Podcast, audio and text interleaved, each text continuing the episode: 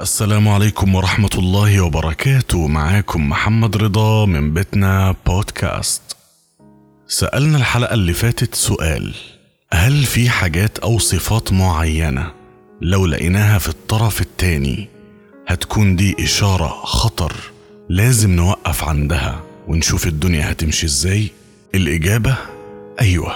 لكن قبل ما نقول إيه هي الحاجات دي محتاجين نفرش للموضوع كويس عشان ما يحصلش خلط ولبس وبرضه الصح إننا نبص لنفسنا قبل ما نبدأ نبص للطرف التاني ولا إيه؟ بعد تفكير عميق جدا واستعراض لقصص وتجارب كتير قدرت أخرج بتصور كده أو نظرية سميتها نظرية اللوحة إيه هي اللوحة دي؟ وإيه علاقتها بموضوع الحلقة؟ تعالوا نشوف واحدة من أشهر المعضلات اللي بنقع فيها سواء بقصد أو بدون قصد هي معضلة الاستحقاق والتغاضي بمعنى إيه؟ كم مرة عدى علينا ناس نعرفهم مرتبطين ونيجي نسأل الذكر مثلا إيه اللي شدك فيها؟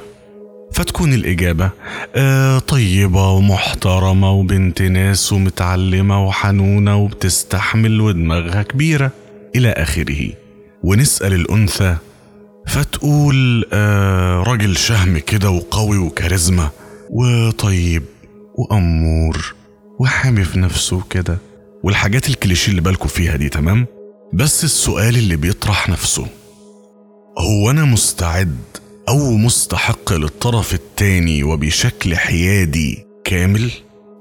يعني مثلا واحدة وافقت على واحد لأنه هادي جدا وصبور وكده.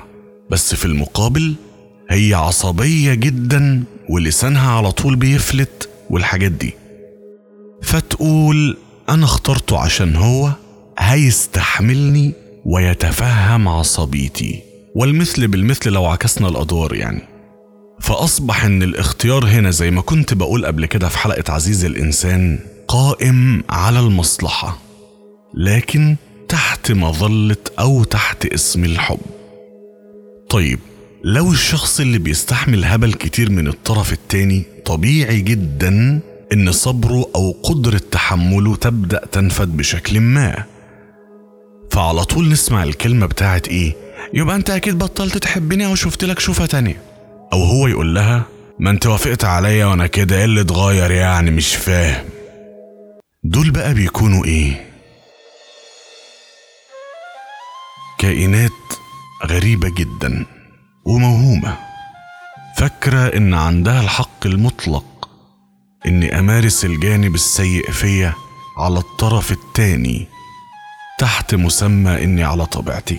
وأي عدم تقبل بعد فترة يبقى الحب قل أو في تغير في نفسية الطرف التاني. ودي للأسف يعني زي ما إحنا شايفين قدامنا آه كائنات مشوهة من الداخل. يعني حاجة عجيبة جدا.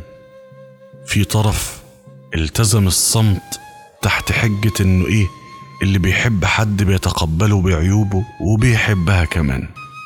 وطرف تاني تمادى تحت مسمى إنه على طبيعته. وده زي ما إحنا شايفين نتاج العقل الجمعي المشوه بامتياز. طيب إحنا كده عملنا فرشة بسيطة خالص. تمام؟ نخش بقى على اللوحة.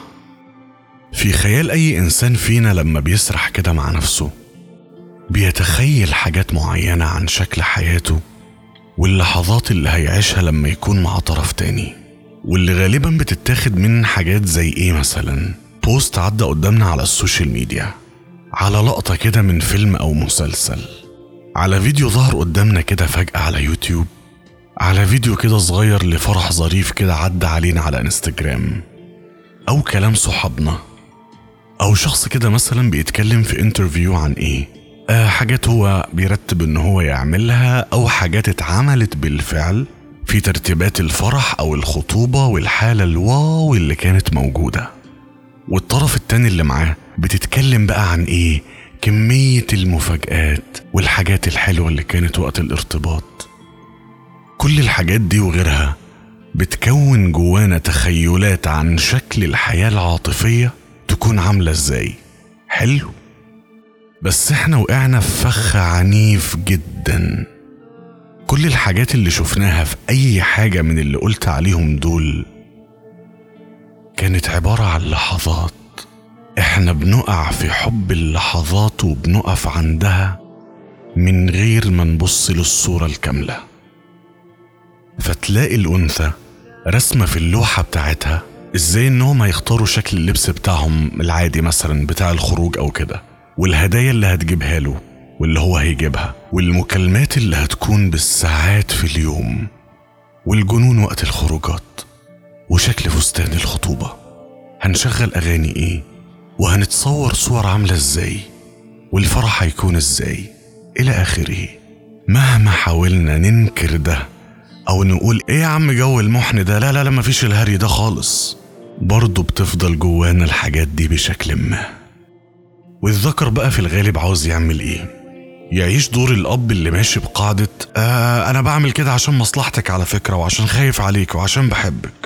مهما كانت الأفعال دي مشوهة وسيكوباتية بس المهم تاخد الإطار ده عشان الطرف التاني يتقبلها وكمان يعتبرها من صميم الحب من تحكمات لسيطرة الخضوع لنكد لغيره لغيره. فنلاقي نفسنا أصلا بنركز على إنه إزاي نرسم الحاجات دي في اللوحة الشخصية بتاعتنا. أنا عاوز الطرف التاني يكون كذا.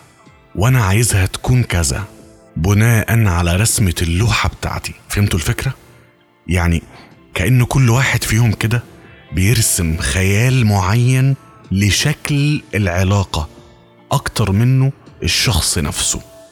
وأحيانا بتكون اللوحة شخص لكن دي هنجيلها بعدين. فعشان كده نلاقي في علاقات بتبدأ حلوة قوي بس بتنتهي بشكل غريب. أو غير مفهوم أو حزين. ليه؟ عشان مفيش تفكير واضح. مفيش تفكير واضح عندنا عن معنى الحب ومعنى تبادل أو التعامل مع الطرف التاني ومعنى العلاقة وكل الحاجات دي. إحنا عاوزين نعيش حالة معينة وخلاص بغض النظر عن أي اعتبارات أخرى. فمثلا تلاقي أنثى الشخص اللي معاها ولا لحظة لحظة لحظة لحظة. النقطة دي طويلة قوي ومحتاجة شرح كويس وده هيخلي الحلقة طويلة جدا. فهنوقف لحد هنا ونكملها بقى في الجزء التاني من نظرية اللوحة. بس قبل ما أقفل الحلقة لحد هنا عاوز أقول لكم على حاجة كده. لو الوضع اللي أنتوا فيه مش مريحكم امشوا. امشوا بعد ما تدوا فرص كافية. الحب عمره ما كان إرهاق ولا استنزاف مشاعر ولا ابتزاز عاطفي. أنا أهون علي أكون لوحدي ولا إن حد يجي عليا ويستبيح مشاعري باسم الحب أو شكل العلاقة. استنوا الحلقة الجاية. ما تنسوش تعملوا like و share للحلقة و mention اللي تحسوا إن الحلقة دي ممكن تكون مفيدة ليهم. وهستنى رأيكم في رسائل الصفحة أو في ال comments. وخلوا بالكم من نفسكم لحد ما نتقابل الحلقة الجاية. يومكم جميل مهما كانت الصعوبات.